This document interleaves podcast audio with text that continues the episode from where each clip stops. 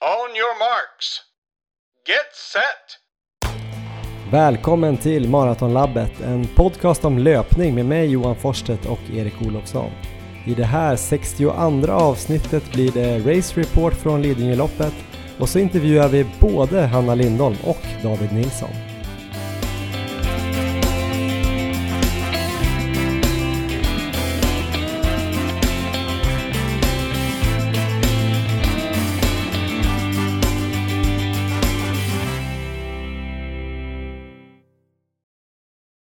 Hej Erik eh, Olofsson, nu är det poddags! Härligt! Tjena Johan! Eh, tjena, hur är läget? Det är, det är bra idag. Jag fick en liten reaktion efter Lidingöloppet, så jag var sjuk i fyra dagar. Men idag, fem dagar efter Lidingöloppet, så kunde jag springa igen för första gången, så det var väldigt härligt. Härligt! Ja, hur är läget själv? Jo men det är bra, förutom att jag är världens sämsta löpare och misslyckades totalt med mitt mål och ska lägga ner podden och lägga skorna på hyllan. Så är det väl bra. Jag är uppe i Ås i, utanför Östersund i Jämtland och eh, slickar såren, laddar batterierna lite grann. Jag eh, är i mitt föräldrahem. Just nu sitter jag i min pappas eh, bibliotek, kallar han det för. Arbetsrum, skrubb, massa böcker. Och framför mig så står det en liten statyett av, eller en liten så här avbild av Gollum. Ja. Från eh, Sagan om ringen. Och eh, två machetesvärd. Just det. Har du tagit med dem själv, eller stod de där? Nej, de stod där. Okay. Fråga mig inte varför. Och sen var det en liten trave böcker och överst så stod, så var det boken Vem dödade min far? av Edouard Louis. Så det känns lite så här läskigt tema här. Men där sitter jag och spelar in så Aha. att ni får en bild. Jag är uppe och eh, tar det lite lugnt med Elmer. Får lite behandling, tränar lite lätt, tänker på livet. Ja, har du sprungit efter Lidingöloppet? Nej, jag har inte sprungit en meter sedan Lidingöloppet. Um, det var ju i fem dagar sedan när vi spelade in den här första delen. Jag har bara cyklat och uh, gymmat men jag har väl försökt träna nästan varje dag ändå. För det är ju härligt. Ja. Ja, så är det med mig. Eh, undrar hur det är med alla lyssnare. Vi tänkte att vi skulle välkomna er i alla fall. Hoppas det är bra med er och att ni nådde era mål på Lidingöloppet eller Berlin Marathon um, eller något annat lopp som ni har sprungit. Uh, vi vill också tacka Löplabbet här innan vi drar igång ordentligt. Uh, Löplabbet som är med och stöttar oss här i höst och trots deras stöttning så failade jag då på mitt mål. Jag hoppas att inte du kommer gå samma öde till mötes Erik. Vad tror du? Um, ja, men det ska gå bra. Det ska gå bra Kan det ha varit eh, löplabbets fel det här? Eh, det tror jag verkligen inte. Eller ja, vi får, du får ju komma in på hur skorna fungerade som du hämtade ut därifrån. Ja, det kommer jag absolut att göra. Um, vi ska väl egentligen prata lite om Lidingöloppet tänkte vi. Det är väl uh, läge för en race report antar jag om det är ett A-mål som har sprungits nyligen. Och uh, då talar vi väl om mitt mål. Uh, vad var förutsättningarna inför Erik? Vad skulle jag göra och varför? Du skulle springa under två timmar på Lidingöloppet 30, alltså 30 kilometer. Och varför du skulle göra det, det var väl för att eh, vi båda tyckte att det var ett riktigt utmanande och hårt mål som, eh, som passade dig helt enkelt. Mm. Ja, i alla fall tyckte ju du det. eh, nej, nej då. men, eh, ja, men det, var, det var ett kul mål faktiskt och jag tyckte ändå att jag, det infann sig någon sorts eh, självförtroende faktiskt inför loppet. Jag kände ja. ändå att jag stod på startlinjen och kände att det fanns en möjlighet att springa under två. Ja, så det var ganska skönt och liksom förberedelserna var ganska bra de sista dagarna. Jag hade ju haft lite problem där med knät sista veckorna in. Men jag det. tror att det blev ganska bra liksom nedtrappning av det. Att jag vilade ganska mycket. Det blev ganska aggressiv eh, nedtrappning. Ja. Så jag hade ganska mycket överskottsenergi. Jag kände mig fräsch alltså. Och knät kändes ju som att det skulle inte vara något problem att springa med det. Ja. Um, så jag kom faktiskt uh, ut till Lidingö med ganska gott självförtroende i alla fall. Eller jag skulle i alla fall ge det en chans kände jag. Ja men det var ju så här, eh, som jag uppfattade det hela så var det ju en helt sjuk taper madness typ två veckor innan, fram till en vecka innan. Men sista veckan tycker jag det var ganska lugn och harmonisk och det, det kändes liksom som att alla bitar föll på plats lite. Mm, det gjorde nog det. Ja. Men eh, det räckte ju inte. Men det kommer vi till snart.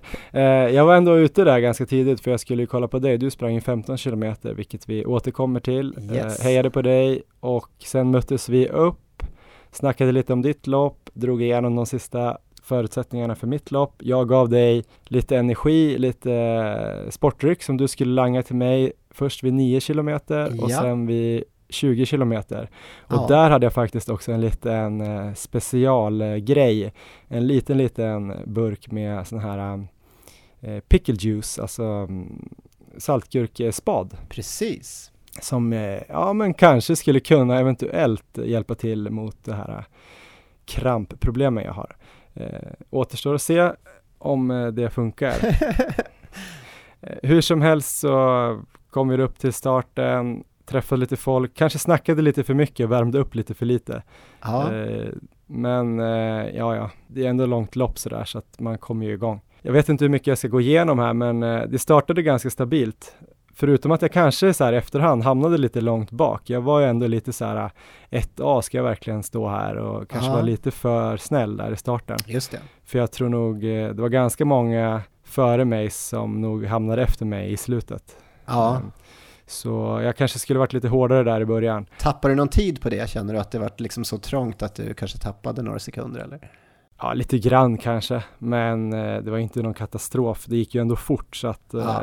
jag fastnade inte i någon sån här eh, flaskhals utan det var någon sväng där i början kanske som var lite problem och lite oklart om jag skulle springa gångvägen där i början eller gena över det här blöta fältet. Just det. De flesta genade över där och jag tänkte ta vägen men till slut så gick ju inte det för då blev jag översprungen typ. Ja. Vet du vem som sprang snabbast i början?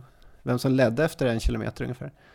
Jag vet inte, Johan Olsson? Johan Olsson ledde ganska med en hyfsad marginal där, fram till en och en halv ungefär tror jag. Ja, jag såg någon bild. Då tänkte att det kanske var han. Han tog vägen tror jag. Ja. Ja, nej men eh, det kändes ändå rätt bra och sen eh, när det lugnade ner sig lite och blev lite färre folk eller om man det blev lite mer utspritt så tryckte jag faktiskt på. Jag hade ju min taktik att gå ganska lugnt uppför och sen trycka på ordentligt utför Just det. och eh, ligga ganska stabilt men hårt på platten. Och eh, jag tyckte det funkade. Jag sprang om väldigt mycket folk i varje utförslöpa och tyckte ändå att jag fick utrymme för att göra det. Ja. Så sen vet jag inte om det straffade sig i slutändan men eh, det kändes som en bra taktik. Så jag lät folk gå om i, i uppförsbackarna. Första fem eh, kändes bra, sen eh, andra fem där, eller ner mot Kyrkviken från sju är det ju riktigt snabbt. Och sen mot tio där är det ju helt platt hela vägen bort. Så jag skulle säga att det kanske var första femman eh, någonstans strax under fyra fart, 3.55 kanske. Ja. Och sen gick det betydligt fortare ett tag. Och där eh, fick jag också min första langning vid 9 kilometer. Just det. Nu tänkte jag att jag skulle ta och bryta in lite i den här race-reporten. Ja, för det blev ju en ganska förvirrande langning där. Ja, för medan du sprang så utspelade sig ett ganska stort drama på sidan som inte du visste om just då. Och Nej. det var ju att eh, jag hade ju begett mig ner där till Kyrkviken, vid 9 kilometer ungefär skulle jag langa din första vätska. Och har ju, jag öppnar ju min ryggsäck där och eh, då är det väl kanske en 10 minuter eller någonting innan du ska komma. Och upptäcker att jag bara har en flaska där. Så att eh, flaska nummer två som dessutom eh, innehöll den här lilla burken med eh, gurkspad var borta. Ehm, och jag letade igenom väskan lätt tio gånger, men den var inte där. Och eh, ja, den känslan som jag fick då var, var inte rolig. Alla lyssnare vet ju säkert hur, hur så här, noggrann Johan är med sin energiplan och så vidare. Det sjuka var ju också att jag hade verkligen funderat på om jag kunde ge dig det här förtroendet.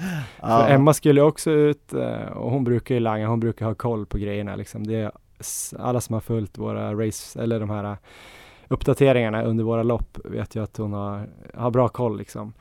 Så tänkte jag ändå, men det blev lite stressigt på morgonen och jag orkade inte hålla på. Så tänkte jag, nej men Erik han måste ju växa in i den här rollen att eh, kunna, kunna hitta två ställen, lämna två flaskor. Ja. Dessutom frågade jag dig, det sista jag gjorde innan, jag, innan vi skildes åt var ju om du hade flaskorna. Du kollade i ryggen och sa, ja, jag har flaskorna. Ja, ja det var ju det. Så jag kände mig ganska lugn. Tills du började, sprang, förbi, sprang bredvid mig och väste någonting om att eh, drick det här nu och sen ger du mig så sätter jag på korken eh, och så tar jag den. Och jag bara, va? Varför ska du ta den? Så här, du har ju en till. Så. Men då fattade jag faktiskt direkt att nej, Ah, okej. han har ju fifflat bort den, Ja, den visst. andra flaskan. Ja, men jag sprang ju med där, med där i kanske en 400 meter med dig medan du drack den där och fick ju tillbaka den då. Och jag var osäker när jag lämnade dig om du hade förstått vad som hade hänt eller inte. Jag försökte förklara. Men i alla fall, eh, känslan jag hade därefter då när jag lämnat dig, och då har jag ju kanske en eh, knappt 40 minuter eller något sånt där tills jag ska langa eh, de flaskorna som jag inte har. Det var ju total panik helt enkelt. Jag inser ju att vi är på väg mot slutet av maratonlabbet. Kanske, slu- kanske slutet av 20 års vänskap. Och eh, ja, börjar fundera så här vilken plan jag ska lägga upp. Ska jag, vad ska jag fokusera på? Är det liksom få tag på ny sportdryck eller gurkspad eller? Men eh, jag inser att jag hinner inte både gå till Ica och köpa saltgurka och hälla ut spadet i en flaska och eh, gå och få tag på sportdryck någonstans. Så att jag fokuserar på sportdrycken. Eh, jag ger mig iväg mot mässan där det visar sig att de inte har rätt sportdryck för att det var ju bara ett märke då som fick säljas där.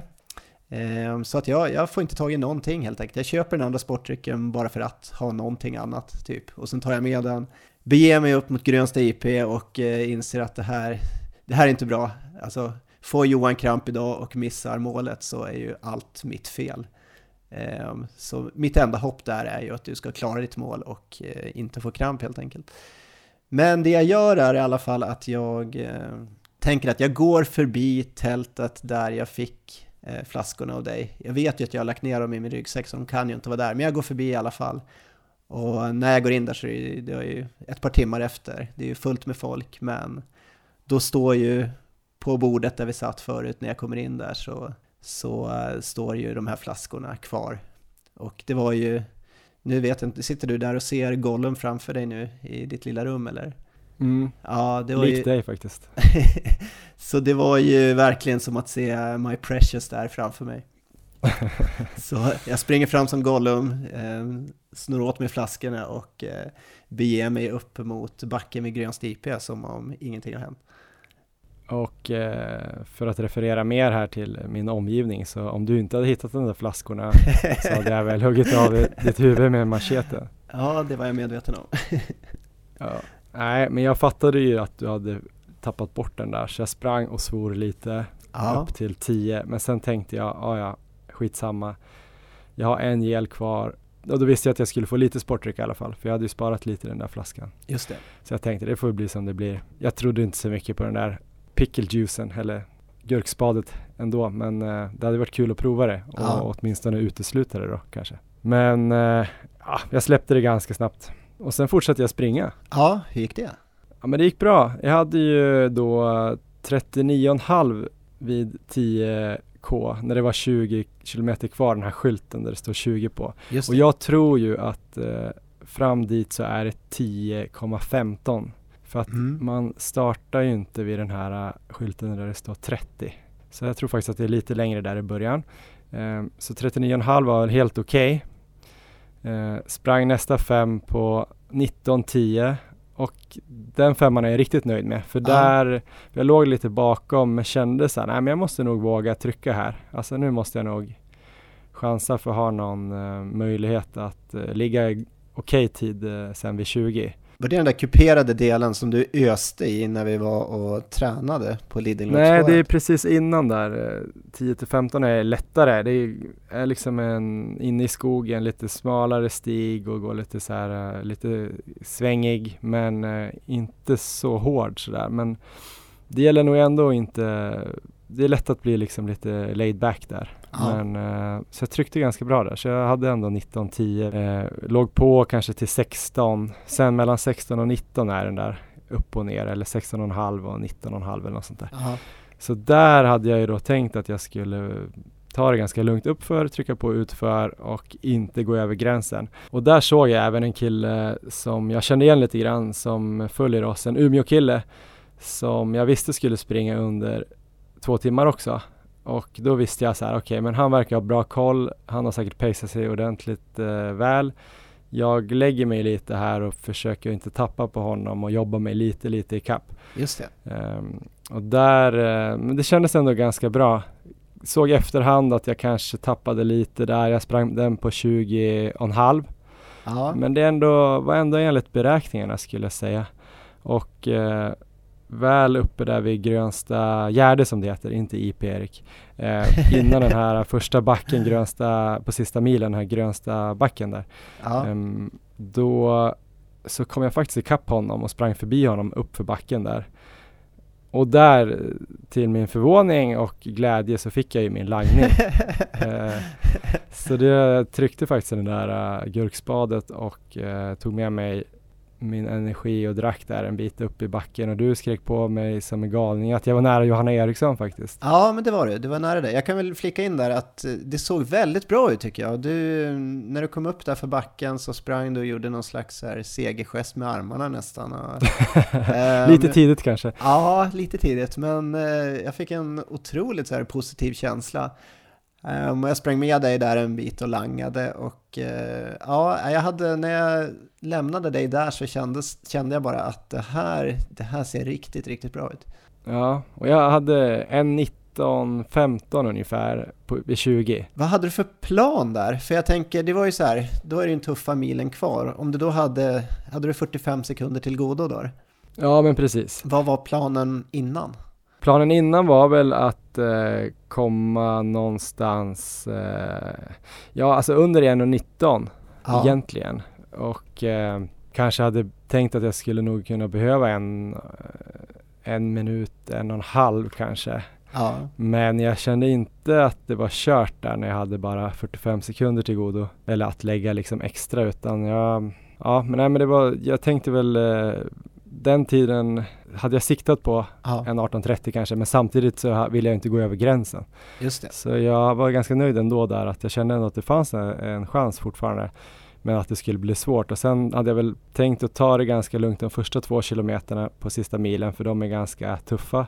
Ja. Sen är det ganska lättlöpt fram till abborrbacken och då tänkte jag där kan jag lägga lite tid. Och efter den så skulle jag ändå ha någon typ av chans tänkte jag. Och där är det ganska många kilometer av de sista fyra är ju lättlöpta förutom då Karins backe och strax efter där. Så jag kände ändå sista kilometern är, är snabb och sådär. Där kan man säkert göra 3.30 om, om det behövs och sådär. Ja, så. så jag hade ändå kalkylerat i huvudet att eh, det fanns en, fortfarande kvar en mikroskopisk chans. Och det höll väl i sig fram till backen som går upp till, till just eh, 22 kilometers märket eller när det är åtta kvar. Ja. Eh, för där kände jag att eh, det började rycka lite i benen och av en sån här krampkänning lite lätt och där någonstans så kände jag i alla fall att jag var tvungen att slå av på tempot. Just det, och det var redan vid 22 ungefär då?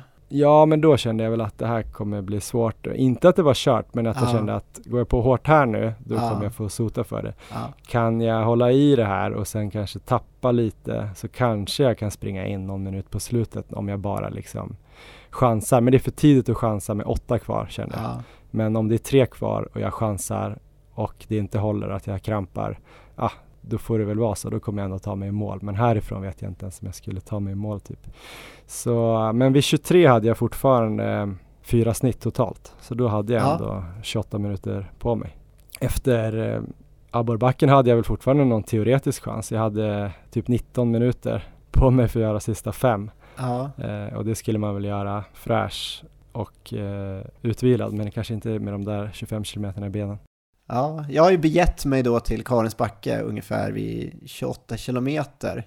Så där står jag ju beredd och eh, då är min plan där bara för att jag vet ju att det är på gränsen men jag tänker att för jag såg väl där vid, eh, jag tror det var 25 passeringen så fick man där på telefonen och då jag tror du behövde göra någonting på, om det var låga 19 eller något sånt där, kanske lite under 19 för att sista fem för att fixa det. Men då tänkte jag att ja, men det är ju ändå snabb bana så jag tänkte nu fan springer jag in honom i mål här bara. Så att jag står ju där tokladdad. Men det kommer ju förbi en hel del löpare där som jag har sett eh, har legat ganska nära dig i alla fall. Och eh, det, till slut så dyker det upp någon kille som i alla fall eh, eh berättar där att eh, du står och har kramp. Ja, det hade jag ju. ja, nej men det kom väl, eh, jag tog mig upp för abborrbacken i knapp styrfart och i slutet av den försökte jag ändå gå om lite löpare. Men då kände jag att det började dra i baksida lår. Så då fick jag slå lite på takten, kom upp på högsta punkten ändå, kom ner för den eh, långa utförslöpan. Sen blir det lite lätt stigning, eh, en sån här slakmota som det kallas, strax innan, ja, upp mot eh, 25,5-26 där. Ja. Och då slog det till ordentligt första gången i baksida lår och eh, jag var tvungen att stanna och stretcha. Och det släppte inte liksom alls. Så det var bara tillbaks till gamla, till gamla mardrömmar. Mitt handikapp som Manne Forsberg kallar det. Eh, krampen tog mig där. Ja. Och då fattade jag att ja, men nu är det ju helt kört. Innan dess hade jag väl kanske börjat snegla mot en tid 2.01, 2.02. Ja. Att det hade varit möjligt. Men då började jag mer tänka på att komma i mål faktiskt. Och eh, jag tror jag stod och stretchade säkert en minut första gången jag kunde liksom inte ens gå, det slog till i. Och, ja, så jag fick vänta ut det helt enkelt. Sen kom jag väl igång och kunde börja jogga lite. Tappade ju ganska mycket placeringar. Hade en period när jag faktiskt blev så irriterad att jag bara började tokspringa. alltså från att jag kanske joggade i ja. 4.45-5 tempo till att jag bara ruschade i 3.45 och fick någon så andra andning och tog en massa folk igen. Ja. Och tänkte så här, ja men shit alltså det funkade att byta steg, för det har man ju hört någon gång att man kanske springer på ett annat sätt eller ja. eh, attackerar tröttheten istället för att mesa ner. Så, och då, släpp, eller då gick det ganska bra, fast det var ju typ några hundra meter. och sen då kom det typ i någon vad och sådär. Ja. Eh, så då kände jag så här, ja men sen började jag ju tänka kanske, ja men 2.03, 2.04. Sen uppför Karins backe tog jag det väldigt lugnt. Sen började jag väl tänka så här, ja men under 2.05. Vilket ju kanske var ett mål jag hade tänkt att sätta i början av eh, året. Ja. så då tänkte jag, ja, det kanske blir under 2.05 ändå. Eh, och då träffade jag dig. Ja efter Karins backe där så kanske var det då 28,5 eller något. Mm. Då låg ju du på din vana trogen. Jag fick inte det här armbandet med de här, det här mantrat för att jag låg för sent. Ja. som du hade gjort åt mig. Vart du besviken att du inte fick det? Nej, det var väl skönt att inte solka ner det. Jag får ta det någon annan gång. Jag tänkte också det. Men du hetsade mig där ganska bra och jag sa väl typ, ah, vi sprang och snackade lite grann. Alltså, alltså jag var helt pigg i, i, i själen höll jag på att säga. Nej, jag var väldigt, väldigt trött i själen. Men jag var pigg i, i mentalt och i, i andningen och bröstet så där var ju inga problem. Det var ju benen som hade sagt ifrån. Liksom. Jag kan väl tillägga där att det, alltså, det kändes ju som att vi, vi joggade ju runt där och alltså snackade i så här totalt. Det var ju som att du hade vilopuls. Vi sprang ju bara och pratade där mm. i slutet av loppet med typ en och en halv kilometer kvar. Och sen så när jag hade sprungit med dig ett antal hundra meter så då fick du ju springa på. Vad hände sen? ja, men jag kom nästan upp det. Det är en ganska skarp eh, kurva där in, in om man tar vänster och sen är det ganska snabbt att det är en kilometer kvar, den markeringen. Men innan den eh, svängen där så slog det till precis när man hade kommit upp för alla backar egentligen. Eh, så då fick jag ju bara stanna likadant som innan där och och eh, stå och stretcha. Så till slut kom ju du kapp mig gåendes där och så stod vi väl och snackade och du frågade om du kunde hjälpa till och jag kände väl att ah, det spelar väl inte så stor roll om jag står och stretchar eller om jag lägger mig ner sådär som på fotbolls-VM. Ja, samma där, det ville inte riktigt sluta men sen kunde jag väl ta mig i mål eh, hyfsat eh, okej okay ändå. Jag tror ändå sista kilometern var ju liksom fyra fart igen. Men det där är okay. nog lustigt att precis när man vet att man kommer klara det så börjar benen funka lite igen. Ja. Jag blev nedspurtad av Malin Starfelt där också. Hon hade ju också som mål att springa under två. Hade väl inte riktigt dagen. Jag sprang väl ifrån henne någon gång efter tio där. Men då tog hon mig där på slutet. Så det var ju snyggt. Och då försökte jag spurta tillbaks lite grann. Men då höll jag på att få kramp igen på upploppet. Och då ville jag inte sätta mig där inför allt folk. Så då joggade jag mål. Ja. Hon var riktigt snabb där. Ja. ja, nej men så det var ju lite fail. Så 2.06.04 blev det ju. Ja. Eh, kom väl på plats eh, 210 totalt. 199 av herrarna tror jag. Ja, ändå en jäkligt bra tid och pers med hur många minuter då? Jag tror det blev 12 och en halv minut ungefär. 12-20 ja. tror jag eller något sånt där pers. Så det får man väl vara nöjd med. Men jag har nog aldrig varit så missnöjd med att persa så mycket kan man väl säga ändå. Det är en konstig känsla för jag förstår det. Jag kan ju på något sätt känna att så här, ah, jäklar vilket kliv jag ändå har tagit ja. de här sista åren. Men eh, för förut var det liksom 2.15 var ju ett tufft mål för mig och under 2.10 kändes ju riktigt hårt och under 2 det var ju liksom verkligen bara superatleter som sprang under 2 så att det ändå var, ja, nu kan man väl säga vad man vill om jag var nära eller inte men liksom ändå gjorde ett ärligt försök och hade väl in, var väl inte så långt från innan det fallerade så, så, så känns det väl bra. Potentialen fanns ju verkligen där så att det, är ju, det var ju krampen som satte stopp. Eh, min känsla var ju definitivt där med milen kvar när jag såg dig att det här, det här kommer gå vägen. Mm. Så, ja. så när det sjunker in så kanske jag kommer kunna vara lite smånöjd i efterhand sådär. Jag är inte helt knäckt över att jag missade målet ändå, även om man ska vara det kanske. Ja, vi har ju snackat mycket här efter, efter loppet. Så satt vi och snackade mm. mycket och jag har ju sagt det till dig, men jag kan ju säga det igen här att jag är ju jag är ju väldigt nöjd med, eh, med det här som helhet. Alltså just att du satte det här sub 2 målet och sen satt du nu sprang på 2.06. Eh, det är ju det är sånt som händer. Jag tycker det är helt rätt att gå för ett riktigt tufft mål och eh, jag tycker det var riktigt nära. Det var ett riktigt bra försök och det är klart att hade du satt kanske 2.05 som mål så kanske du hade kunnat springa med lite lägre ansträngningsgrad och eh, kanske klarat dig från krampen, kanske inte. Ehm, men kanske hade kommit i mål på 2.02, 2.03 och då hade du klarat din målsättning. Men för min del hade ju, tycker jag det här är värt mycket mer. Att våga sätta ett stort, eller ett högt mål och sen liksom verkligen gå för det och sen så att det blev, att det blev 2.06 nu. Det är ju det är fortfarande bra, ehm, men du, du gick för det och jag, jag är väldigt stolt och nöjd över din insats. Allt för dig Erik. Då är jag också nöjd. Ja. ja. Nej då, det var väl bra annars så jag är nöjd med på något sätt eh, taktiken eh, följde jag eh, klockan, jag körde utan pulsband så det, pulsen spårade ur på den. Farten gick inte att lita på, alltså pacen, så jag, jag körde faktiskt bara på vanligt tidtagarur och stämde av med kilometermarkeringarna och körde med på känsla. Ja. Det var också ganska skönt att springa så. Nutritionen tror jag var okej, okay. kanske att jag hade ätit lite för mycket. Jag kände att jag var lite skvalpig i magen. Alltså, Just det. Aldrig dålig i magen men lite så tung känsla. Eh, skorna var ju grymma tyckte ja. jag. Eh, körde i Vaporfly Next Percent.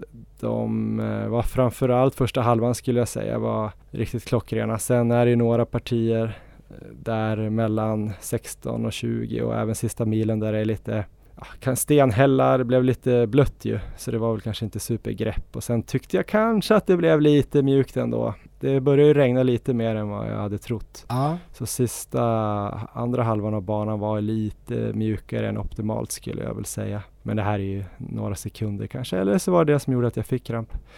Um, så det var väl eh, bra val. Sen var jag väl lite besviken då såklart på slutet. Jag tappade, såg jag, typ 60 placeringar sista fem kilometerna. Och det är ganska mycket. Jag tror jag låg 128 någonting eh, strax innan abborrbacken och eh, ja, så det var ju ganska mycket.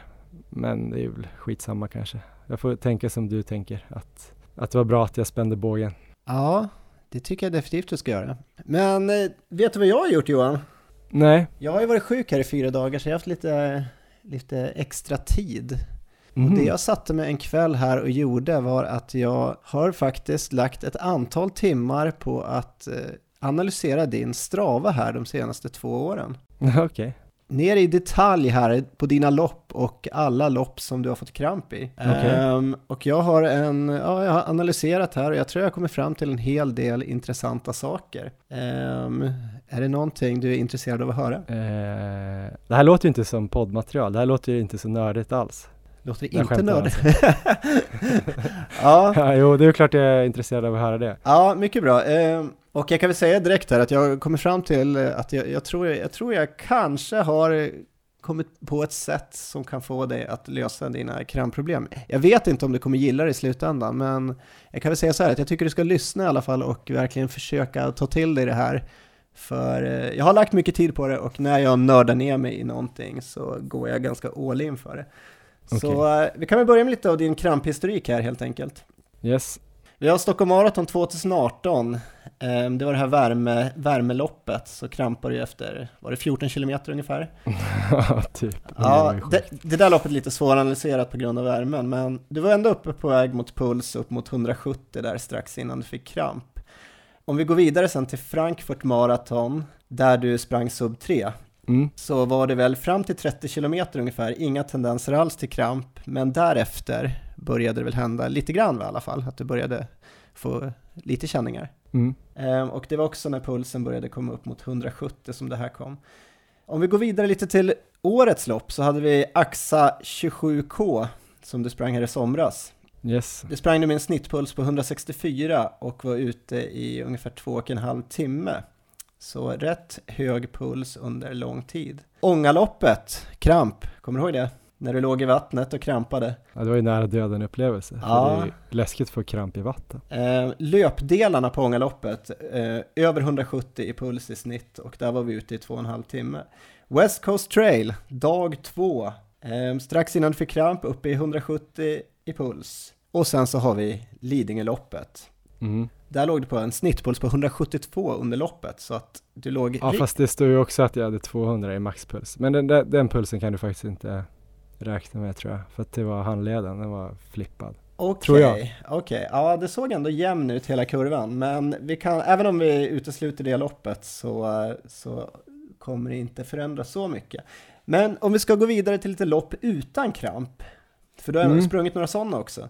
Madrid halvmara, Har jag det? Jag kommer fan inte ihåg något lopp. vi kör. Madrid halvmara 2018. Sprang du med puls på 166 i snitt? Det var inga krampkänningar där va? Jo, Var det det?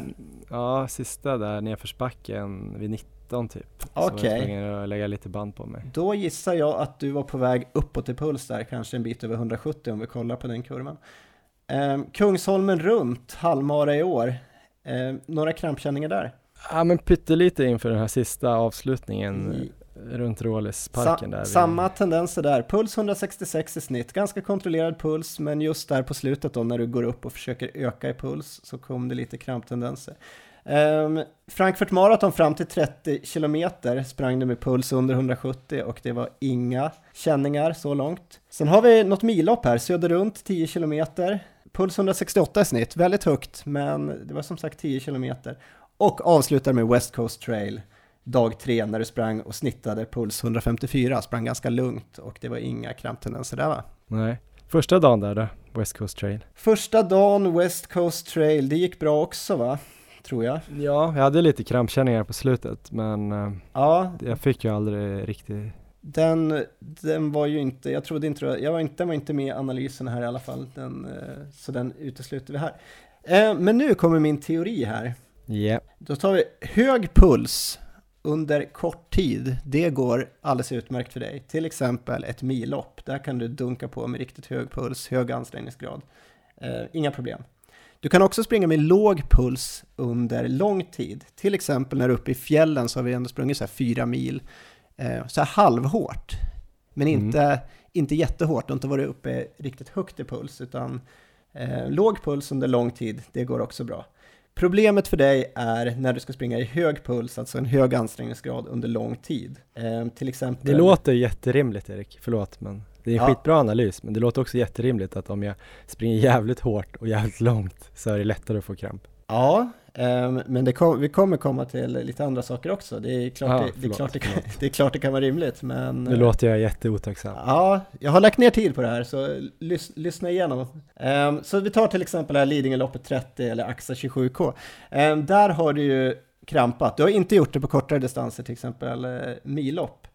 Så det som helt enkelt jag tror händer, det är ju just när du jobbar då under lång tid, alltså om vi snackar då längre än 10 kilometer, så eh, blir det väl helt enkelt så att du tappar tekniken lite grann när du börjar bli för trött och börjar belasta muskulaturen annorlunda. Och där tror jag krampen börjar komma. En mil ungefär går bra, kanske lite längre. Det går också bra om du inte ligger liksom stenhårt som du gör på ett millopp, till exempel när du sprungit dina halvmaror och kanske lägger med puls på 166 i snitt. Ehm, då fixar du också att springa liksom de, distanserna utan att få kramp. Ehm, men nu kommer det lösningen som jag ser det. Det finns tre alternativ som jag tycker du liksom har att eh, förhålla dig till enligt min analys här. Spännande. Alternativ nummer ett, det är att du börjar tävla på bara 10 km eller kortare. Då kan du skönt. dunka på och eh, det kommer inte vara några kramproblem alls. Eh, alternativ två, det är att du springer samtliga dina lopp under 166 i puls. För det är när du går över där, det är då krampproblemen brukar komma. Och sen så kommer alternativ nummer tre. Och det är ju på att träna på att springa med hög puls under längre tid. Och Mm. gissa vilket alternativ jag föredrar av de här tre. Alternativ fyra tror jag, att eh, ha liksom en, en liter sån här gurkspad eh, Ja. med sig. Jag, jag tycker vi så här, lämnar gurkspad och hotshots och alla sådana här mirakelkurer som vi har pratat om nu för att jag tror, jag tror det här kommer vara lösningen för dig Johan. Det är det här träningsupplägget som jag kommer presentera för dig nu. Det kommer, få, det kommer få bukt med din eh, krampproblematik. Nej, men jag antar att du väljer alternativ tre. Det gör jag. Outgrundlig anledning. att jag ska jobba mot min natur. Ja, du ska alltså träna på att springa med hög puls under längre tid. Du kommer springa tröskel, du kommer springa en jävla massa tröskel och då tror jag att du kommer få bukt med de här problemen. Ehm, för målet måste ju vara att få in nu så mycket tid som möjligt i den här pulszonen där liksom krampen börjar komma och det är ju 167 plus enligt mina, enligt mina analyser. Så det är där du ska in och jobba helt enkelt, så mycket tid som är möjligt. Och eh, vad tror du, vi- vilken, vilken typ av pass tror du jag kommer föreslå för dig här nu? Eh, dubbeltröskel. Dubbeltröskel, Johan. Det är det som gäller nu. En gång i veckan, varje vecka, dubbeltröskel. Jag tror stenhårt på det här. Och jag tror dessutom att du inte ska försöka dela upp det i intervaller, till exempel springa en kilometers intervaller, utan försöka eh, springa det i block. Så du kör liksom så länge du pallar med. Alltså inte så att du, du behöver inte springa så du är helt död varje tröskel, men ändå, det ska vara liksom ett antal kilometer eh, där du verkligen får liksom ingen att jobba i den här pulsen, typ 167 plus. Vart var, vad hade du för uppmätt tröskel nu när vi var på Activitus? Ja, nu senast var det väl 169, men det har väl Ja. varierat där mellan 169 och 172. Jag tror att det ligger där någonstans, Mm. 170, Ja, men 171. Så Mm. där 166 och liksom uppåt. Där, det är dit vi liksom ska hitta. Ehm, och eh, helt enkelt kö- köra det och sen så annan typ av kvalitetsträning, exempel så här 400 meters intervaller som du gillar eller kanske 1 kilometers intervaller och sånt där. Ehm, byta bort det mot tröskelträning så att även andra kvalitetspasset, om du kör dubbeltröskel en dag i veckan, så det andra kvalitetspasset, jag tycker du kör tröskel där också. Då kommer du in i den här pulszonen, du får jobba, du får liksom träna på att få bättre löp, löpekonomi eh, när du liksom börjar bli trött av att ha varit på den här pulsen ganska länge. Och jag tror, kör du på med det här ett bra tag så tror jag att det kan vara lösningen eh, på din krampproblematik. Och en bonus med det här också, det är ju liksom att det är den bästa träningen du kan göra för att liksom lyckas på längre distanser. Det är ju kanonträning. Så dels krampproblematiken och dels eh, ja, träning för Lidingöloppet eller maraton eller vad du nu vill satsa på. Amen! Bra! Kan vi... Vad tror du Johan? Kan vi, kan vi gå åt det här hållet? Ja, det kanske vi kan göra. Ja. Men vad tror du om att liksom så här köra långpass med avsluta i tröskel och sånt där då? För det blir ändå, mina dubbeltrösklar kommer ju ändå inte bli så lång distans. Eh, det tror jag är bra. Långpassen, det tror jag precis du kan köra sådana där du liksom avslutar eh, och kommer upp högre i puls. Jag tror inte så mycket på egentligen sådana här långa marafartspass där du ska ligga lägre i tröskel, eller vad säger jag, lägre i puls. Utan jag tror att vi liksom ska försöka komma upp i de här pulszonerna där krampen brukar komma istället för att försöka ligga i någon slags marafartspass där du kanske ligger 160 i puls eller något sånt. Det tror jag inte kommer hjälpa så mycket mot krampproblematiken. Jag tror inte heller så mycket kanske på så här ultrapass som vi har diskuterat förut. För det, jag tycker det verkar fixa det väldigt bra när du är ute i fjällen och springer fyra mil eh, ganska hårt och länge. Fast ändå inte i Mm. någon jättehög puls. Så att jag, de har jag ju velat få det att göra förut. Men jag tror, jag tror mycket mer på den, hela det här tröskelupplägget nu. Ehm, och sen så bara liksom trappa upp. Alltså du får ju börja nu så att du testar på dubbeltröskel och sen så se hur det funkar och sen så kanske öka, öka någon eh, kilometer ehm, eller några minuter, vad det nu blir. Så kommer du få en bra progression på det här. Så får vi se vart det leder. Spännande. Ja, Ja, men jag kan väl bara börja beta av då kanske en teori efter en annan egentligen. Eller så får jag börja springa mina lopp med lägre intensitet helt enkelt. och inte gå över gränsen. Det låter ju sjukt tråkigt. Gör det. ja, jag tränar upp mig så jävla bra så att det ändå blir bra tider. Ja, men nu, nu, ska vi, nu är det hård tröskelträning så kommer det bli jävligt bra nästa år. Ja, men tack Erik. Jag blir Ja. nästan lite rörd av den här, eh, de här timmarna du har lagt ner. Kul det att här höra. stora arbetet. Jag ska ta till mig det, jag ska Ja, jag ska tänka över det, jag ska låta det sjunka in, eh, filtrera det i mitt inre och se Ja. vad som kommer ut. Härligt. Eh, får väl ta något beslut här i kanske slutet av den här podden eller nästa podd. Ja, Själv då? Du får ju Ja. inte kramp fast du springer svinhårt. Vi kanske ska gå igenom ditt lopp lite kort som också var lite kortare ja, eh, men gick eh, jävligt bra. ja, 54, 24 kanske? Ja, stämmer. Något sånt där. På 15K-loppet där på morgonen i, i lördags. Mm. Ehm, riktigt eh, fin tid och bra placering. Du slog damvinnaren, vilket ju alltid säger att man har sprungit jävligt fort. Ja, jag sprang ju dessutom en bra bit med damvinnaren på slutet, så det var, det var roligt. Ja, men hur kändes det då? Var du fantastiskt jävla dålig uppför och nerför? och Så? Ja, verkligen. Eh, jag fick det bekräftat, framförallt nedför. Ehm, men, nej, men det var ett väldigt bra lopp för mig. Jag, det var nog ett av mina bästa lopp tror jag som jag har sprungit. Jag hade egentligen inga riktiga svackor. Jag, kom, jag satsade på ganska bra från början och hamnade ganska högt i puls. Ehm, men kunde ligga där och jobba på alla de här 15 kilometerna så att jag låg ganska jämnt strax över 170 i puls. Ehm, men jag märkte det där att eh, när det var, när det var plant då så var jag riktigt stark. Men redan då i början i nedförsbackarna så var det många som flög om mig. Och uppför var jag ändå ganska okej, men jag försökte ändå ligga ganska kontrollerat där. Jag fegade lite grann nedför, det måste jag erkänna, för att jag var lite, lite orolig kanske att dra på mig någon skada eller sådär. Och vid 10 kilometer ungefär, då kommer damvinnaren Anastasia Denisova, tror jag hon hette, duktig orienterare ikapp mig.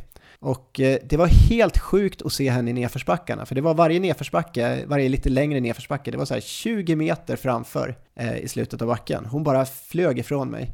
Och sen så tog jag igen lite så här där det var plant och eh, lite uppför. Men det, ja, det var så där det liksom pågick sista fem kilometerna. Så att jag var urusel nedför och uppför inte mycket bättre, men kanske lite bättre. Men stark där det var flackt kände jag mig. Och jag hade en bra avslutning in mot mål också. Så det var, eh, jag var riktigt nöjd med loppet överlag. Så att det var en bra känsla. Allt var perfekt med det där loppet förutom att du blev sjuk efteråt då kanske. Ja, jag vet inte vad det var som hände, om det var liksom att jag tog ut mig så mycket, om det var hela den här stressen när jag tappade bort din energi som gjorde det, eller om det var att stå ute i regnet och heja sen i ett antal timmar efteråt, eller om det var allt i kombination, men sen eh, morgonen efter så eh, vaknade jag upp med halsont. Ja, nej men det var en eh, härlig dag där ute på Lidingö tyckte jag, trots regnet. Eller det kanske inte var så jävla härligt. Kramphelvete och regn och skit. Men det var kul att träffa så mycket eh, roligt folk. Många lyssnare som vi snackade med eh, och duktiga andra löpare.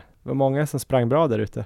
Ja, En av dem som kanske eh, sprang bäst var ju Hanna Lindholm. Hon kom ju trea och hon sprang under det banrekordet som var inför loppet, som var 1.53.00. Jag tror hon sprang på 1.52.57, vilket är det snabbaste någon svenska har sprungit där. just det.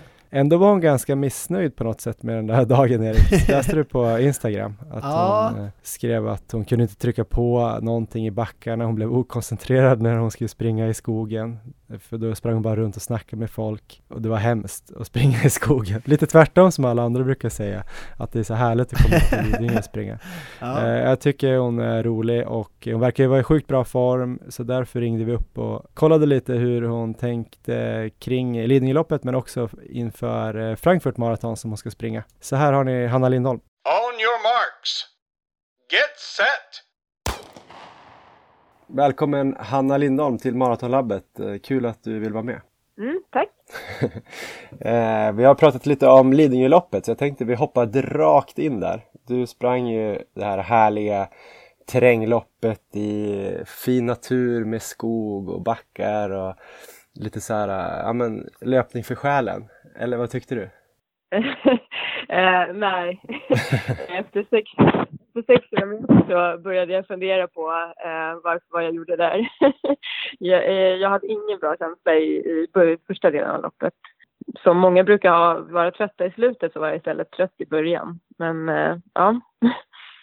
Men du gillar inte riktigt att springa i, i terräng eller? I skog och så? Du skrev något på Instagram. Ja, nej, nej jag tycker inte att, eller eh, det är väl, man brukar ju tycka det är roligt det man är bra på. Eh, och jag är inte riktigt lika bra på att springa i terrängen. Det blir liksom en annan typ av, av eh, intensitet. Det blir så här ryckig fart och så. Och det är ju samma sak när jag springer släta lopp om det typ är stark motvind på någon raka och sådär. Då måste man trycka på när det är medvind. Då blir det också ryckigt. Eh, det, är väl, det är väl mer det. Och sen så just Lidingölopp är ju ganska hårt också så här, eftersom det är så långt. Och det känns nästan som en helt annan gren än eh, att springa maraton. Men hur är du när du springer? Eller kände du av liksom konkurrenterna? Tappar du liksom utför och uppför? Eller är det bara att det blir ryckigt? Eller är du bättre platt? Eller känner du någon skillnad där? Eh, nej, nej, jag kände nog faktiskt ingen skillnad tror jag eh, just nu. För jag sprang ett eh, bra tag med den etiopiska tjejen. Eh, men eh, då var vi nog båda två sådär i alla fall att vi ryckte ganska mycket ute på om det kom någon asfaltlöpa eller så. Eh, men eh, så att jag märkte inte så stor skillnad. Nej. Eh, du ställde upp eh, delvis för att eh, Frida Karlsson, eh, den här skidtalangen som slog igenom i VM i Österrike här i, i våras, eh, skulle vara med. Men hon kom aldrig till start. Hur kändes det? nej, det var jättetråkigt. Eh, jag sa faktiskt till Per, min tränare innan, nej men nu, nu börjar jag inte springa. och garvade han bara, det är klart du ska springa. eh, men ja, nej det var tråkigt. Eh, det hade varit kul att utmana henne eh, med tanke på all uppståndelse det blev efter Johaugs vinst i norska mästerskapen. Ja. Men blir man lite irriterad när längdskidåkarna ska komma in och försöka visa att de också kan springa eller?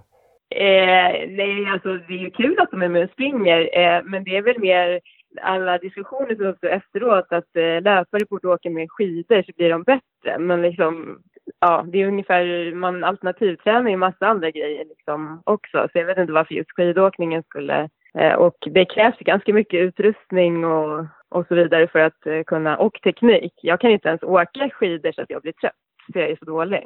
Men jag tänker ändå på Lidingöloppet. Eh, en 52-57 tiden där. Bästa svenska tiden någonsin. Det var banrekord om inte det vore så att det var en som sprang in en minut innan dig i, i lördags. Eh, hur, vad Nej. ser du på tiden och loppet annars då? Förutom att det kändes tungt. Eh, nej, men jag, jag hade ju liksom, jag hade fått frågan innan, vad siktar du på för tid från jättemånga, men jag hade faktiskt ingen tid. Jag visste inte vad jag kunde göra och jag hade ingen klocka med mig, så jag hade ingen koll, mer än att jag hörde efter första milen att det gick väldigt fort och det kanske var det som var min, alltså då var ju känslan rätt att jag tyckte det var ganska, ganska jobbigt i början. Eh, men alltså jag är supernöjd med tiden och jag trodde ju faktiskt på förhand att den tiden skulle kunna ha rätt, räckt till vinst, men gjorde inte det. Nej. Men det måste varit skönt att vara bästa svenska någonsin på Lidingöloppet. Det är ändå ett stort lopp kan man säga. Ja, absolut. Eh, ja, alltså jag var jättenöjd med det och jag startade ju med väldigt eh, sega ben mm. eh, efter ja, mycket träning veckan innan. Eh, och det var också villkoret för att jag skulle få starta, att jag inte fick lätta på träningen för att det var för tidigt för det. Så, um, så med tanke på det så, så gjorde jag ett jättebra lopp. Mm. Ja men du siktar ju mot eh, Frankfurt Marathon i slutet av oktober här. Eh, mm. Som jag och Erik sprang i fjol bland annat. Eh, tänkte bara just fråga där, lättade du någonting på träningen Eh, samma vecka eller körde du liksom din maratonträning och så slängde du in det här som ett långpass? Eh, ja, nej, jag lättade ingenting eh, eh, den veckan. Eh, det enda var att jag av mig själv då medvetet drog ner på farten på de sista distanspassen. Eh, eh för att jag bara kände att ja, nu måste det, nu måste det hända någonting i alla fall. Liksom. Så att inte benen skulle vara för fega. Um, ja, nej, så att, jag hade inte lättat någonting då. Men annars då? Du eh, sprang ju i Köpenhamn också. 1.11.57, det var ju pers. Men du verkar ju vara lite besviken efter det loppet också. Eller på vinden där var det Det är jobbigt det här med naturen, eller hur? Med vind och skog ja, och backar. Eller hur. Men det är nog det Ja, och just halvmara, alltså de tre snabba halvmara jag har sprungit, alltså på en platt bana, då har det alltid varit eh, blåsigt. Jag har sprungit två i Holland och sen nu i Köpenhamn. Ehm, men ja, det var väl mer att då hade jag verkligen lättat på träningen och jag, det var nog mer jag själv som hade tänkt mig liksom att nej men det här, nu liksom ska jag springa riktigt fort. Eh, och det kan gå med tanke på de träningspass jag hade gjort innan och så, så eh, hade jag nog siktat på en minut snabbare faktiskt. Ehm, eh, men det var, ja jag vet inte, det var väl en kombination kanske av förhållandena och att jag inte hade den dagen liksom. Kroppen kändes inte tipptopp liksom, så då Ja. Men du har varit i så bra form då antagligen så att du blir besviken på, ett så, på en så bra tid ändå och tänker att du kunde springa på en eh, elva någonstans då? Mm. Och halvmaraton. Hur har träningen sett ut här inför Frankfurt och vad tänker du på Frankfurt? Vill, vad vill du göra där? Mm. Ja, nej men träningen har ju, alltså jag har inte haft eh, några störningar i träningen faktiskt sen jag kom igång. Jag tog en månads uppehåll i juni efter Stockholm Marathon när jag var så sliten. Ja. Eh, och, och, efter det så har, det liksom bara, har vi bara trappat upp och så har, har det rullat på och jag har haft många bra veckor mellan 15 och 18 mil eh, under hela sommaren och nu under hösten. Med lite så avbrott för några, för några tävlingar då. Men så nu efter Lidingöloppet så fick jag en liten förkylning här. Alltså det är väl det är väl det enda störningen då. Det var ju lite irriterande eh, att det skulle dyka upp nu, men det är ändå bättre än att det händer om tre veckor. Eh, mm. Och eh, ja, i Frankfurt, jag, jag siktar ju på att springa så snabbt jag kan liksom. Och det är ju fortare än jag gjorde i Hamburg i april. Eh, sen exakt liksom vilken tid eller så, det, det vet jag Jag har ingen så här Nej, jag har ingen exakt tid så. Men, men som många förstår, man kan ju inte persa med allt för många minuter och eh, eh jag blir ju inte nöjd om jag persar med 30 sekunder. Så att, eh, man kan ju säga att jag siktar ju i alla fall på under 2.28. Just det. 2.29.34 sprang du på va, i våras? Mm. Mm. Men 3.30 snitt då? Vad blir det? 2.27? Det vore väl en bra målsättning? Det känns som en milstolpe. Ja. ja. Är det någonstans där ni har tränat? Alltså nu gissar jag bara. Det skulle jag ha tänkt om jag var så bra. Eh, ja, jo men det är väl något sånt. Och passen då? Jag tänkte, kan du inte berätta om några av de här riktigt bra passen du har gjort då? För att ändå känna att du är i så bra form. Vad är det bästa du har gjort på träning? Något som inte är hemligt då kanske? Ja, nej, jag har, nej, jag har inga hemliga pass. Och jag kör ju ganska mycket samma alltså upplägg som jag gjort inför tidigare maror. Sen så kanske de hamnar i lite olika ordning beroende på vad man har för tävlingar och sådär. Eh, men eh, ett pass som jag körde för några veckor sedan, det var varannan eh, intervall två kilometer och varannan en kilometer i totalt 15 kilometer med 45 sekunder vila. Och på det passet jag fattade inte när jag sprang att det var så bra, att jag hade sprungit så bra. För jag, jag tror jag snittade 3.21 på det passet. Oj. Så det måste nog varit ett av de bättre jag gjort. Eh, och sen så körde jag ett 40 kilometers pass, eller snarare 41 för det råkade bli det för, förra helgen.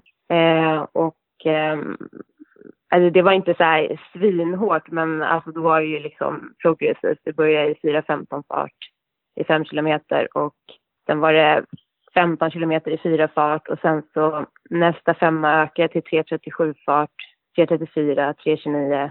Ja, och sen avslutar med en femma på 4.00 igen. Och det kändes ändå liksom, ja, det kändes bra. Men kör du någonsin några långa långpass där du inte springer sådär pass intensivt? Eh, mm, ja, men det gör jag. Fast inte 40 kanske. Nej. Då kanske man är uppe på så här 37 eller någonting. För det är lite, ja, det är lite segt att ligga och ja, köra så långt eh, ja, i långsam fart. Då blir, då blir passet så himla långt också. Man, man är ute så lång tid då. Vad är långsam fart för dig då, då bara så man får någon referens till det här andra passet? eh, nej, men 4.30 då. Ja. Alltså, är väl, är väl eh, normalfart i snitt i alla fall på ett vanligt långpass. Och när du kör de här lite mer marafartsintervallerna, hur brukar det se ut så att det blir runt 15 kilometer i total volym på den intensiteten eller blir det ännu längre pass? Um, nej, det var 20 kilometer har det väl varit också. Uh. Uh, men det är alltid så att jag kör ju inte i någon så här, jag vet inte, vi pratar nästan aldrig om marafart liksom, utan jag får bara farterna liksom. Men nu börjar vi 3.40 och sen så, ja, pressa ner till det här liksom. Eh, men 20 kilometer brukar det väl vara som mest som fartklackning. Vad händer nu då? Nu är du lite sjuk, hoppas att du blir frisk så du kan börja springa igen. Men vad händer de här sista veckorna fram till loppet då? När börjar du släppa upp? Det blir lite problematiskt nu eftersom det här kanske skulle vara din hårdaste period, eller? När du... Ja, precis. Jag skulle ju kört vidare den här veckan så att jag skulle väl haft ett hårt, långt, långt pass nu i helgen och sen är det väl ett kortare men ändå ganska hårt nästa helg också. Men jag antar att eh, det får bli lite så här, ja, omflyttning i, i planeringen då, så jag vet inte riktigt. Eh, men jag brukar aldrig köra efter det där sista hårda långpasset då, två veckor innan, då brukar det inte vara så mycket hårda pass längre. Då, är det mer, då liksom man kortar man ner passen. Istället för att köra så här fem kilometers intervaller kanske man kör så här två gånger tre kilometer, två gånger en kilometer. Ja, lite sådär bara. Men en sista fråga då. Jag tänkte VM i Qatar, hur, hur ledsen är du att du missade det där loppet efter att du. har sett det på TV kanske? nej, jag, nej jag, är inte, jag är inte så ledsen. det blev ju faktiskt så som vi befarade att det skulle bli. Så att, eh, eh, det kändes ganska skönt att inte vara där. Men samtidigt känner man ju så här att det hade ju varit kul att veta hur man hade reagerat liksom själv. Men, eh, och hur det hade känts. Det får jag inte veta. Nej, men det känns ju som att du är en fighter och, och tiderna blev ju väldigt långsamma. Kan man någonstans tänka så här, ja men tänk om jag hade klarat det bättre än snittet, alltså värmen och fuktigheten. Då hade du kunnat få en riktigt bra placering där kanske. Ja, det, jag, jag, blev ju otroligt imponerad av amerikanskan som kom sexa för hon hade ju både, hon hade ju samma pers som jag och Charlotta och eh, eh, sprang väl bara nio minuter långsammare än det. Eh, så det är klart man tänker, men gud vad hade hänt om jag hade sprungit lika bra som hon liksom, typ sexa i VM. eh, men samtidigt så, alltså det går inte att spekulera i, jag, jag vet inte, det var ju ganska stor risk att jag också skulle fått magproblem och ja, men jag tror faktiskt inte att jag hade brutit bara om jag hade svimmat. ja. ja, shit. Nej, det var något alldeles speciellt. Ja, men du får eh, sikta mot OS istället, tänker vi. Och eh, ja. först och främst springa bra i Frankfurt. Ja. ja. Lycka till! Ja, tack så mycket!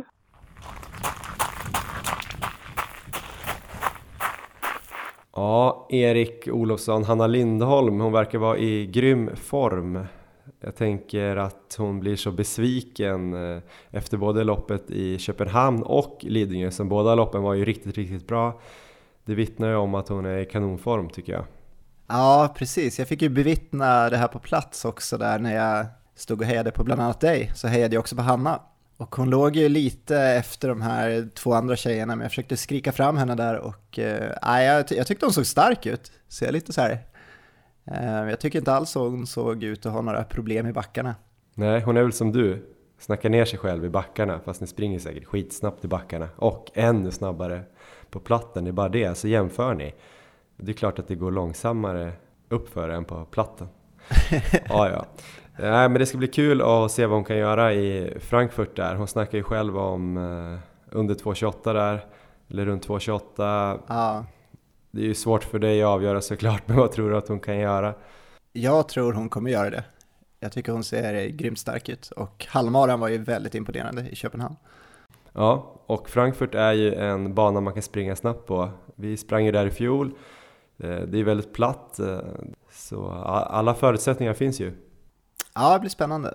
Tycker också att det är roligt bara att nämna det lite snabbt där. Hon, vi pratade ju om Frida Karlsson. Det är roligt att hon, eh, Hanna alltså då, slänger in Lidingöloppet. Ett lopp som hon tydligen då inte gillar så himla mycket eller har någon kanske hatkärlek till kan jag tänka. Bara för att eh, den här eh, Frida Karlsson anmäler sig till loppet. Så då vill Hanna komma in och visa där att eh, vart skåpet ska stå.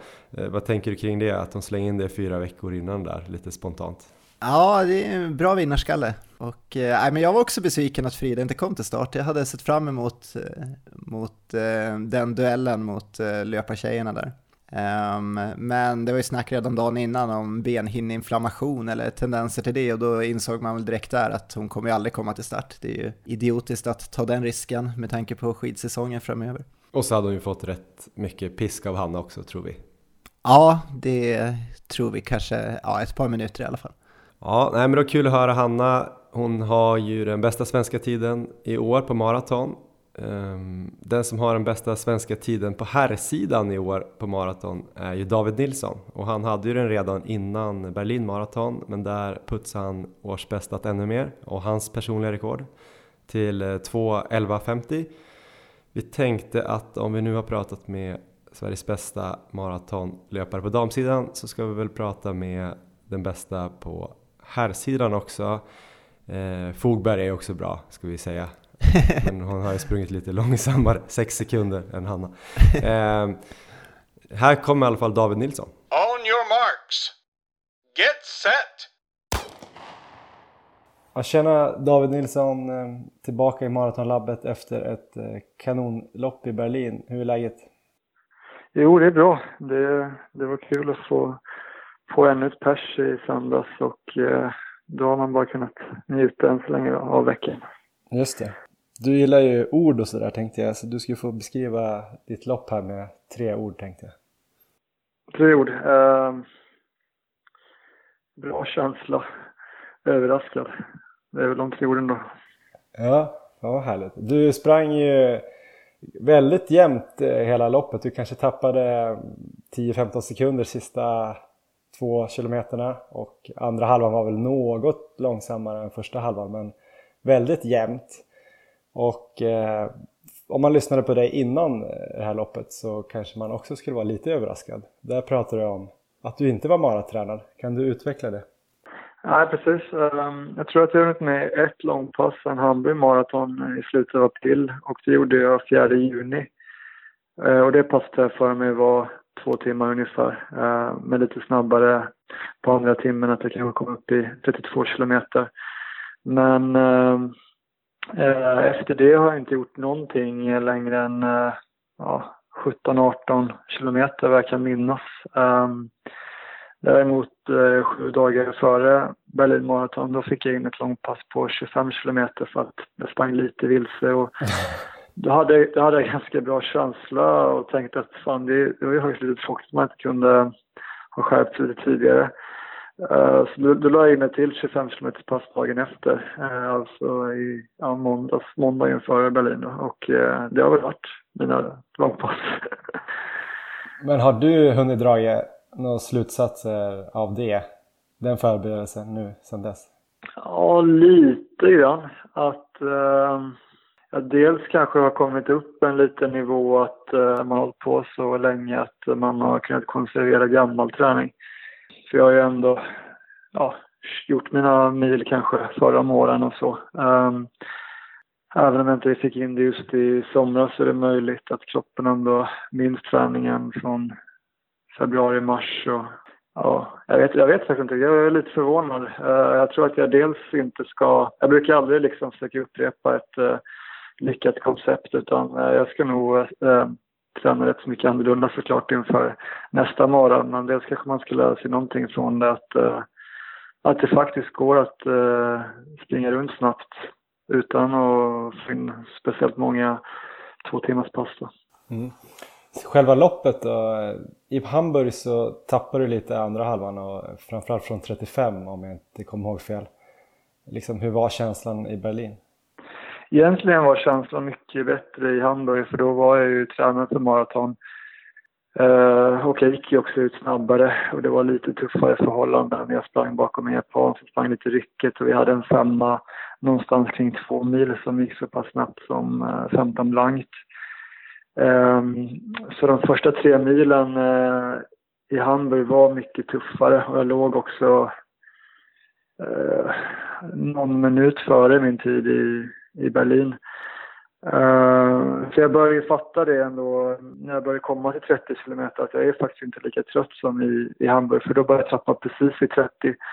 Och nu var min snabbaste femma till och med mellan 30 och 35 kilometer så det var först vid 37 som jag var tvungen att börja tappa lite fart för jag kunde inte riktigt hålla, hänga med de killarna jag sprang med och safea lite där helt enkelt. Jag, jag insåg att antingen försöka ett par hundra meter till och då kan jag tappa ofantligt mycket i slutet eller släpper jag nu och eh, kör min egen fart och då kommer jag som mest tappa upp mot en minut. Eh, och det var precis så det blev. Så jag tror att jag tog eh, väldigt smarta beslut under loppet och hade inte kunnat göra speciellt mycket annorlunda. Om man går in lite på, vi pratade lite om vad du inte har gjort då, att du inte har sprungit så mycket två timmars pass. Men vad har du gjort inför Berlin då? Tävlat mycket antar jag, brukar du göra på sommaren? Uh, ja, precis. Jag hade två rejäla dippar i somras som båda kom uh, strax efter, eller i och med sjukdomar. Uh, och sista uppturen igen var, vad blir det, i augusti då när jag fick in två 5000 lopp dels på Finnkampen och SM och sen helgen efter det gick jag direkt på eh, Tallinn halvmaraton och helgen efter det Köpenhamn halvmaraton. Och i Tallinn hade jag ingen bra känsla alls men det loppet skulle jag heller inte springa snabbare än eh, 2.10 fart på maraton då så jag gick in på 65.10.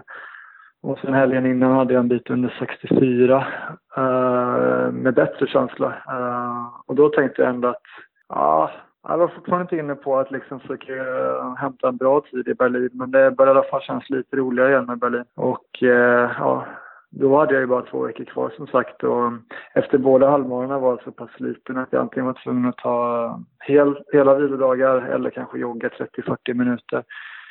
Eh, så egentligen fick jag bara in två kvalitetspass de veckorna respektive torsdagar och sen sista helgen ungefär gjorde jag ett millopp, Kistaloppet där jag bara fick in en, en längre nedjogg på 8 kilometer. Och, ja, de här två långpassen på 25 då. Så, ja, men jag är överraskad liksom. Kistaloppet, jag tror att jag hade 31-21 och var ändå rätt trött och nu snittade jag snabbare än den milen på alla milar. Så det var, det är kul att kunna överraska sig själv ibland också. Härligt. Jag tror att du kommer fortsätta göra det nu framöver då? Överraska dig själv.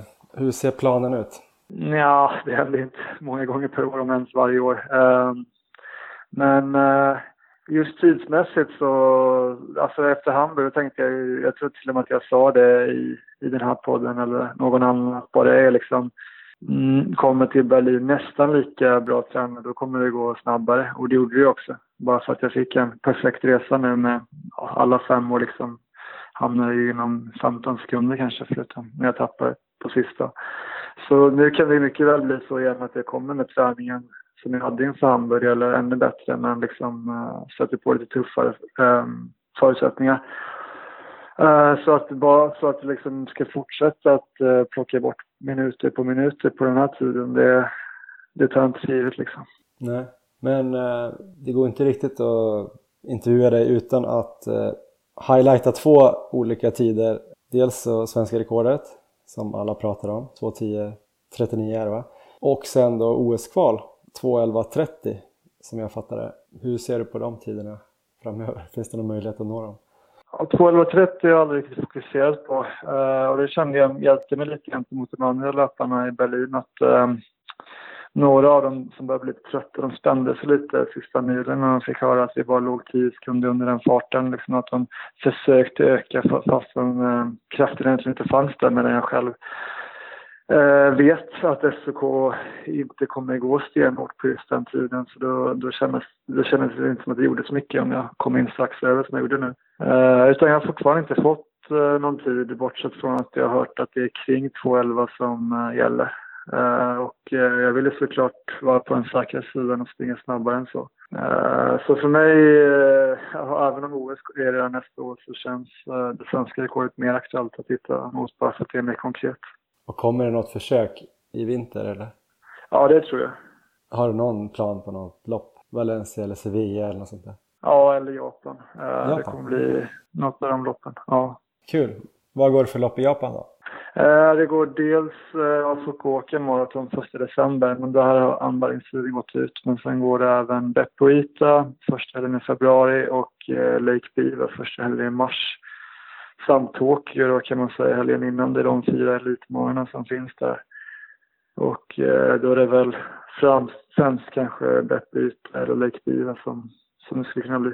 Och eh, för att slå svenskt rekord så är det väl, vad kan det vara, åtta sekunder snabbare på varje femma eller något? Uh, ja, precis. Jag snittar ju 307 nu så det, det är väl 305 som rekordet ligger på. Mm. Och eh, hur känns det då? Ja, det är ju bara två sekunder så jag gick ju upp till och med gå ut eh, lite snabbare i söndags. Jag gick ut med 2.10 i gruppen innan jag insåg ett misstag så jag märkte ju det liksom att två sekunder, det märker man ju knappt utan det, Ja, det, det, det låter ju, eller det är ju fortfarande mycket tid eh, på pappret eller sådär när man väl kommer i mål. Då känns det som att löparna är väldigt långt före eller bakom om det handlar om minuter. Men äh, om man jämför en mara till en annan då vet man ju att minuter inte går att jämföra hit och dit på en sån lång sträcka. Så att, ja, jag, vet jag tror att det handlar lite om att bara fortsätta tävla på maraton som de gjorde på 80-talet. Liksom. Äh, varken Ståhl eller Tommy Persson gjorde ju under 2.12 mer än en gång men de gjorde liksom eh, 20 marer äh, runt 2.15. Så jag tror det mer handlar om att eh, våga tävla fast man kanske inte är 100% som jag var nu. För att då, då kan den här snabba tiden komma ändå. Suveränt David! Tusen tack att du ville vara med igen. Ja, tack tack. Lycka till framöver. Tack ska du ha. Ha det bra.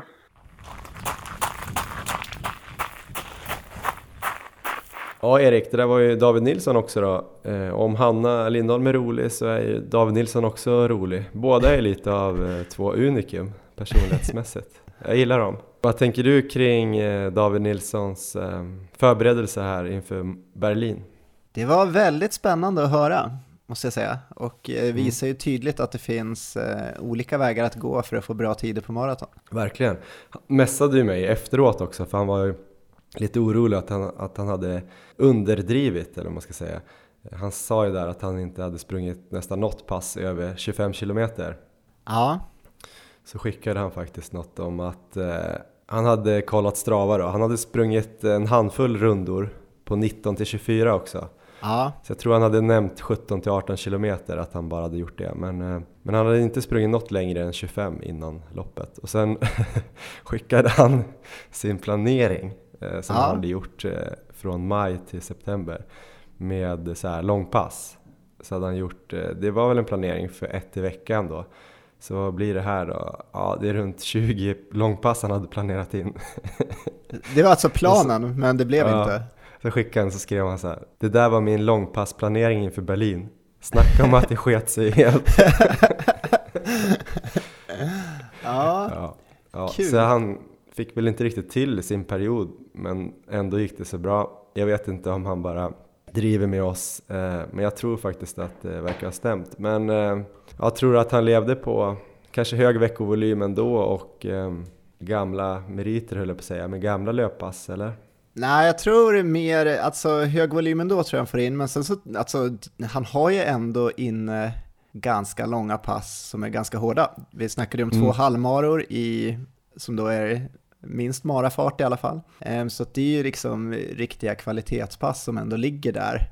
Eh, okej okay, att han inte springer med riktigt långa passen, men många tävlingar så att det är ju mycket kvalitet och eh, en hög totalvolym och det tror jag fungerar alldeles utmärkt för maraton också, speciellt om man har den bakgrunden då kanske som mm. David har, så det är klart att det kan spela in också. Så äh, men jag, jag tycker det var inspirerande att höra att äh, man kanske inte måste köra den här eh, specifika maraträningen för att lyckas. Det kan vara en bra väg också, men det finns olika vägar att gå. Det är ju kanske det man ska ta fasta på, att det finns olika vägar att gå. Sen är det ju alltid svårt det där när man ska börja kopiera om man lyssnar på det här och tänker så här, ja då behöver jag inte springa över två timmar eller över 25 kilometer. Sen ska man ju också säga att eh, om han springer sina långpass där runt två timmar eller strax under så är det ju för att han springer ju typ maraton på två timmar. Precis. Så det blir lite skillnad om man springer på tre timmar som typ jag. Då ja. blir det ju väldigt kort om man springer 1.40 liksom. Men sen tror jag ju också som han sa där att han kanske pacear sig bättre än i våras också. Ja, just det. Att han inte gick över gränsen och hade kanske lite bättre förhållanden. Ja. Vad tror du då? Tror du att han eh, fixar eh, Kjell-Erik Ståhls svenska rekord här i vinter eller vår? Jag tror han fixar det väldigt snart. Så det kanske till och med blir nere i Spanien i december. Just det. Det kanske blir eh, i Valencia där ja. Vi får väl se vad han väljer. Han hade ju lite olika idéer där kring eh, Japan och eventuellt Spanien eller ja, vi får se. Hoppas att han, eh, jag tror ändå att det kan väl vara bra om man får till några långpass. Han kanske inte ska satsa på att göra 22, man vet ju hur det är när man satsar för högt och så på planeringen där. Han kanske bara ska sätta in fem långpass. Ja, Så kanske han kan hålla det. Nej, men jag tror just när man hittar någonting som fungerar, som det här uppenbarligen har gjort, han kanske inte behöver ligga kvar precis på det här. Han pratar ju mycket om att han vill variera och så. Mm. Ehm, men jag tycker ju att uh, hittar man någonting som fungerar uppenbarligen så här bra, då ska man nog försöka analysera det och ta med ganska mycket bitar därifrån. Nej, det ska bli spännande att se honom. Jag tror att han fick eh, bra självförtroende av det här, om inte annat. Att han Ja. inte hade fått till riktigt sin period innan, men ändå sprang så himla bra. Han är ju jävligt duktig. En annan som är jävligt duktig, det är du Erik. Som Tack också har hittat saker i träningen som funkar. Hur ser det ut här framöver? Känns det bra då? Du ska springa Hässelbyloppet här i, vad blir det? Nu spelar vi in den här andra delen eh, några dagar eh, senare än vad vi gjorde den första delen. Så nu Ja. är det väl bara tre, fyra dagar kvar här till eh, Hässelby. Hur mycket satsar du där?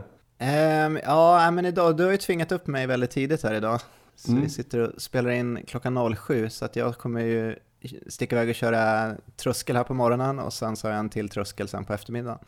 Så det är, Jaha, är det mitt- dubbeltröskel eller? Det är dubbeltröskel, precis. Och eh, har du snott det av någon eller? Konceptet alltså? Ja, det har jag gjort. Ehm, om man skulle kunna tro att jag kanske har snott det från Norge.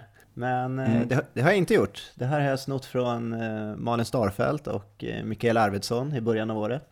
Så jag tar Mm. inte ansvar för eventuell ilska från, från, eh, från Norge. Nej, pappa Ingebrigtsen blev ju sur där, eller i alla fall om man får tro Aftonbladet så Ja. blev han ju sur på att Kalle Berglund hade snott så stora delar av eh, bröderna Ingebrigtsens träningsprogram som de hade fått, eh, han hade väl fått nys av det där via den här, vad heter han? Kälta? Leif Inge Kälta, tror jag. Ja, som har jobbat där med, med dem. Så att, eh, det var infekterat. Vad tycker du om att ta folks eh, träningsprogram sådär? Ja, först får, får man väl fundera om man kan lita exakt på att intervjun var korrekt återgiven. Men förutsatt att den var det så tycker jag det är helt okej att sno träningsupplägg och eh, jag har ju svårt att se att det ska vara något problem. De flesta har ju sin träning helt öppen också så, så Mm. det var lugnt. Men det var ju ganska kul här att vi gick ut i förra poddavsnittet och rekommenderade att eh, prova på dubbeltröskel och sen så vart eh, pappa Ingebrigtsen här lite upprörd som det verkar på Kalle Berglund för att ha gjort exakt det. Så man får ja, prova gärna dubbeltröskel men eh, vi kan inte ta ansvar för, för eventuell ilska som kommer komma. Ja men eh, för att återgå till frågan där då, Hässelbyloppet, blir det första Just loppet det. under eh, 35 tror du? Ehm, ja, det hoppas jag verkligen. Jag har, eh, har jag inte liksom blivit nedsatt av den här sjukdomsperioden nu så, så eh, ska jag under 35 på Under Hässelbyloppet. 34 till och med? Nej, det tror jag blir tuffare. Men eh, jag kommer nog lägga mig, taktiken blir nog lägga någonstans mellan 3.25 och 3.30 tempo varenda kilometer. Får se vart det landar. Spännande. Jag kollade lite på om jag skulle anmäla mig för jag tror kanske att jag skulle kunna komma loss men eh, jag känner mig inte så himla fräsch i, i kroppen så jag tror att jag skippar det. Ja, det är nog smart att avvakta lite tror jag, efter Lidingö. Däremot har jag hittat ett lopp som jag kanske ska springa här innan säsongen är slut. Eh, Det är ju ett lopp som jag hittade via dig. Det är. DM i, alltså det är Upplands-DM på 10 000 meter. Ja, kul. 22 oktober. Det tror jag att jag ska satsa på. 25 varv, allt vad jag kan. Har aldrig testat förut. Så det ska bli spännande. Vi får se om eh, dina dubbeltröskelpass som du har beordrat mig att göra kommer hjälpa mig i den satsningen mot 10 000. Just det, du menar här att eh, de eh, redan nu ingår i planeringen? Ja, från och med den här veckan så ingår de. Så när det här släpps eh, på fredag så eh, kommer jag vara mitt i min första dubbeltröskeldag. Just det. Eh, Så det är spännande. Det är i alla fall förhoppningen. Mitt knä är ju inte helt hundra alltså. Jag tror det är lite svullet nu också. Men vi får väl se om det blir bättre eller sämre. Men jag tänkte kanske springa på här en, två veckor. Jag har ju lagt upp något schema för den här veckan för att försöka komma igång med träningen lite grann. Och så får vi väl se, kör någon vecka till och blir det inte bättre i kroppen så får det väl kanske bli sista loppet för mig i höst här blir det där i DM i Uppsala. Annars får vi väl se vad som händer. Om Ja. du kan få med dig någon, eh, någon kompanjon där till Spanien, förutom David. Ja, men Johan, är det inte så att det är eh, fullbokat där till Valencia. Det går väl inte att få tag på startplatser längre? För maratonlabbet är allt möjligt tror jag. är det något du vill berätta här i podden? El labo de maraton, si si! Du puedes... Eh... Jag har glömt bort all spanska. Nej men jag har ju såklart eh, anmält mig i tid till det där loppet om jag eventuellt skulle vilja springa det. Så jag har en startplats till Valencia. Ja. Sen får vi väl se om jag kommer kunna utnyttja den. Men jag tänkte att jag skulle ge ett besked idag. Ja. Men det kan jag nog inte göra riktigt. Jag kommer vara tvungen att vänta och se. Jag har, lagt ett, jag har faktiskt lagt en planering för hur jag ska kunna ta mig dit i hyfsad form. Jag blev ganska taggad där. Vi pratade ju lite om det i ett telefonsamtal tror jag. Det här med att sätta ett högt mål Aha. som man sen inte klarade av. Det som det gav, jag blev inte så knäckt kanske. Däremot blev jag ju lite mer revanschsugen. Så Ja. att man blev sugen på att springa mer lopp. Ibland när man Härligt. tar sina mål, då är man ganska dålig på att vara glad, så blir man bara tom istället. Mm. Nu när man missade en målsättning så känner man så här, fan, vad finns det för nya lopp jag kan springa? Så det var ju kanske bra. Ja, jag tycker du reagerar på det helt rätt sätt. Sen så eh, har man eh, missat en mara och sen så bokar in en mara två, tre veckor efter, då kanske det har gått lite för långt. Men just i det här fallet tror jag med Lidingöloppet och eh, Valencia Marathon tror jag eh, kommer fungera perfekt. Ja, nej men det är ju faktiskt, eh, jag vet inte om det är sju, åtta veckor till Valencia så att jag kommer som sagt den här veckan har jag satt igång lite Mara-träning, kanske 70-80% av vad jag har tänkt kunna ligga på längre fram. Så kommer jag skruva upp det där successivt. Men jag måste hålla koll på både min höft och mitt knä som just nu spökar lite. Så vi får väl se. Eh, Om löplabbet kanske kan, eh, de stöttar ju oss. De kanske kan fixa något eh, knäskydd eller något. Nej, vi får se hur det går. Men däremot så ska vi faktiskt eh, tacka Löplabbet igen för att de stöttar oss här mot Lidingöloppet och Valencia. Och eh, vi ska också säga att den här koden, rabattkoden Maralabbet 19, den är ju så populär så att de har valt att hålla den öppen även i oktober. Kul. Så det är jäkligt kul. Vi har lyckats övertala dem att eh, det är klart våra lyssnare ska få 20% rabatt eh, hela oktober också. Så det är bara att gå in och shoppa där med Maralabbet 19, både i butik och eh, på webben. Och webben är faktiskt också helt nyfixad. Eh, den, ser, den har fått en liten ansiktslyftning och ehm, det finns också lite så här produktguider där. De har också en hel del tester och ehm, man kan också, en ny funktion de har där faktiskt som jag tyckte lät ganska smart, det var ju att man kunde boka skor på webben, eh, sina storlekar, så man kan boka det till butiken och se till att eh, skorna finns där när man åker in och testar, alltså i rätt Ah, storlek och sådär. Så man inte åker in och ska testa ett par nya Vaporfly i 42,5 och så kommer man in och så bara, nej vi har inte 42,5. Så då kan man boka hemma ehm, ett par 42,5 så får man ett meddelande när de finns i butiken. Så kan man åka in och prova och gillar man dem inte eller de inte passar så behöver man såklart inte köpa dem. Det tyckte jag var smart.